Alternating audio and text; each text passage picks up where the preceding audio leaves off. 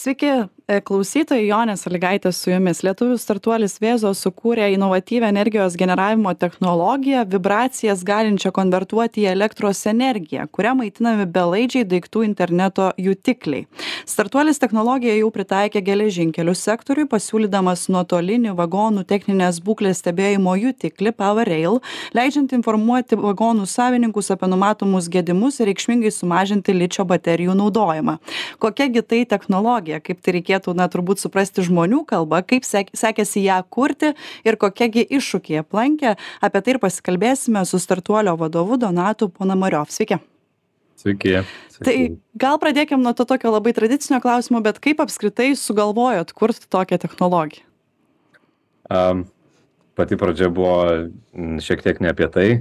Pačioj pradžioj buvo interesas sukurti technologiją gebančią konvertuoti e, lietaus lašų energiją į naudojamą elektros energiją, bet e, pasibandžius, pasitestavus buvo prieita prie išvados, kad naudojant dabartinės medžiagas tas efektyvumo konversija, konversijos efektyvumas yra maždaug milijoną kartų mažesnis negu saulės energija, todėl tiesiog nėra kelio į rinką bet e, yra kitokie pritaikymo būdai, tokie kaip va, IoT jutikliai, kur e, tie nu, ta prasme, e, energijos kiekis nėra skaičiuojamas lygiai taip pat kaip, kaip su saulės baterijom. Ten svarbu, svarbu pakeisti baterijas tam tikrose vietose, kur tas baterijas pakeisti neįmanoma tiesiog tie belaidžiai daiktų interneto jutikliai. Taip aš pristačiau kaip čia mums reikėtų na tiems kurie galbūt kiek atitolę nuo tos temos suprasti paprastai kas tai yra. A jutikliai sudėti skirtingose absoliučiai skirtingose industrijose pavyzdžiui geležinkeliuose ten kur mes esam kur ant krovininių vagonų kur tiesiog nėra elektros jokios tačiau ta priežiūra yra reikalinga ir svarbi. Po to vėjo jėgainės kur įsivaizduokit baterijos ta prasme jutiklis e, nustoja veikti dėl to kad išsikrovė baterija tai stabdyti vėjo jėgainės darbą lipti kviesti aukštalipius ir panašiai tam kad pakeisti bateriją nu tai yra kosmiškai didelės sumos tai atitinkamai tokie sprendimai yra labai nišiniai kaip mūsų bet e, jie gali būti labai labai taikliai pritaikomi vienoj ar kitoj vietoj kai apsistojot jau prie tos technologijos kūrimo jau supratot kad būtent tokią jūs ją kursit. Kaip sekėsi pats kūrimo procesas? Kiek jūs laiko užtrukot? Kiek žmonių apskritai dalyvavo tam procese? Viskas prasidėjo nuo darbo kartu su ktu a universiteto profesoriais ir ir studentais. Tai jie labai labai stipriai prisidėjo prie to kad ši technologija taptų ta kurią turime šia šiandien. Tai kūrimo procesas buvo išties išties ilgas labai daug labai daug laiko prireikė kad pasiektume apčiuopiamą energijos kiekį ir tą tą kurio reikėjo.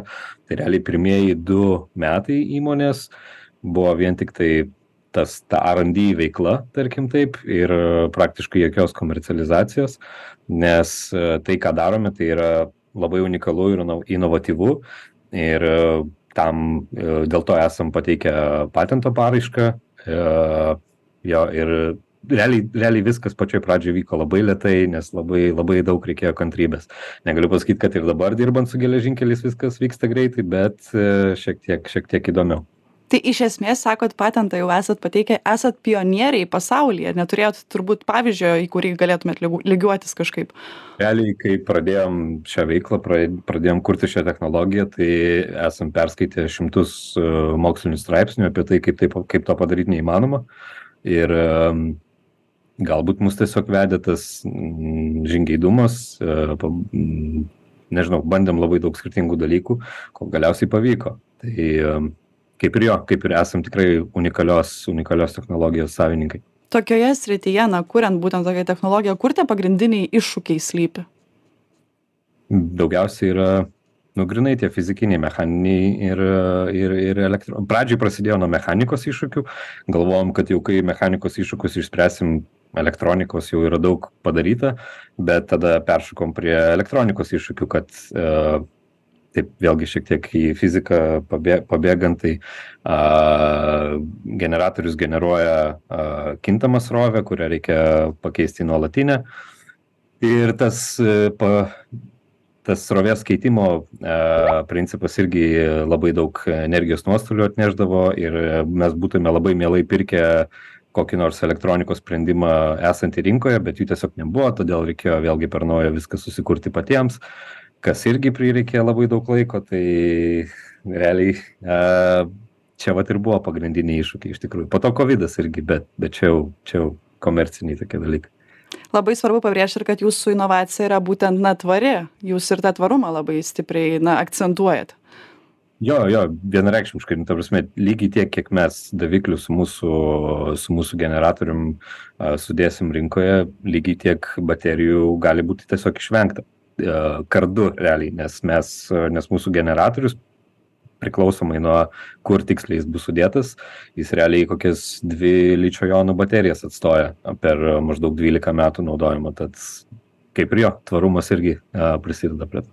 Jūs čia paminėjot vėjo jėgainės, paminėjot geležinkelius, kai aiškinot, kas tai per technologija, kaip jūs apskritai, na taip nusprendėt labiau e, turbūt tą akcentą dėti būtent į geležinkelio sektorių. E, kodėl būtent geležinkelis?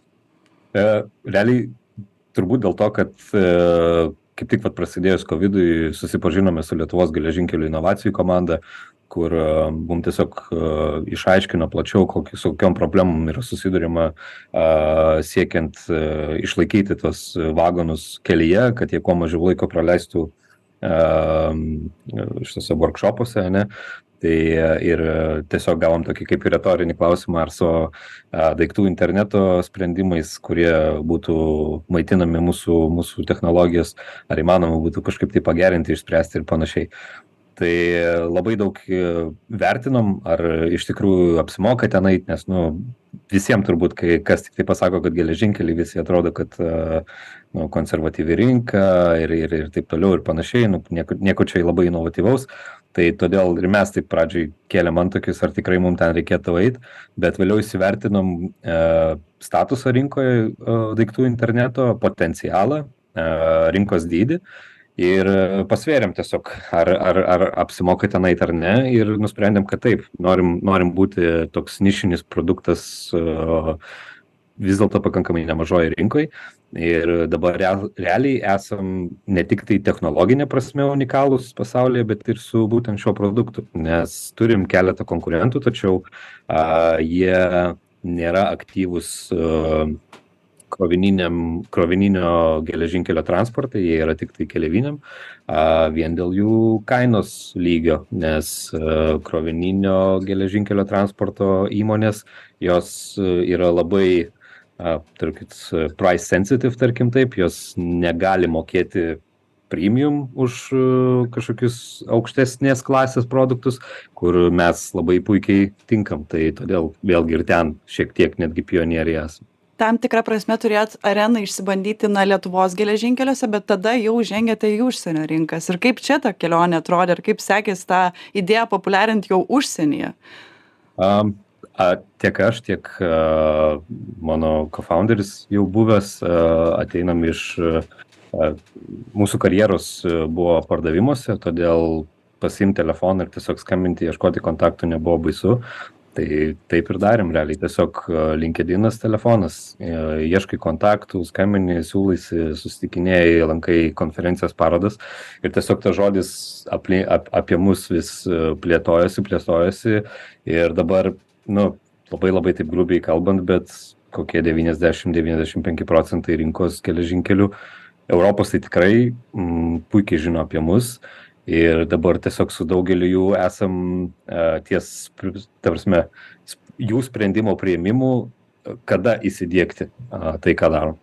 O lietuvoje yra dėmesio ar nelabai žinoma žinoma dėmesio yra labai daug bet čia atsiranda kitokie faktoriai tokie kaip a a lietuvoje yra vis dar a iki kol atsiras real bal real baltica yra vis dar naudojama ta senovinė sovietinė vėžė a plačioji kuri reiškias kad visi vagonai a krovininiai lietuvos jie negali keliauti į europą jie gali keliauti tiktai į rytus arba baltijos šalyse bet kaip patys suprantat dėl dabartinės geopolitinės situacijos nieks nevyksta ir vagonai nekeliauja ten. Tai realiai e didžioji dalis vagonų jie tiesiog ilsisi todėl susidomėjimas yra bet bet nu kam jeigu vagonai nevažiuoja tas vienas iš pagrindinių na dalykų kurie sužavi turbūt verslą tai yra tai kad su jūsų technologija galima labai daug sutaupyti ar ne?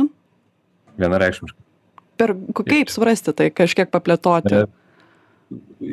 Europoje, tarkim, vėlgi yra tam tikri numatyti intervalai, kuomet vagonų ašys, ratai, guoliai privalo atlikti tam tikrą priežiūrą, ne, tai reiškia, vagonas turi išeiti iš, iš darbo, ne, turi būti nuvaromas į, į servisą ir ten yra atliekamos tam tikros paž... pra...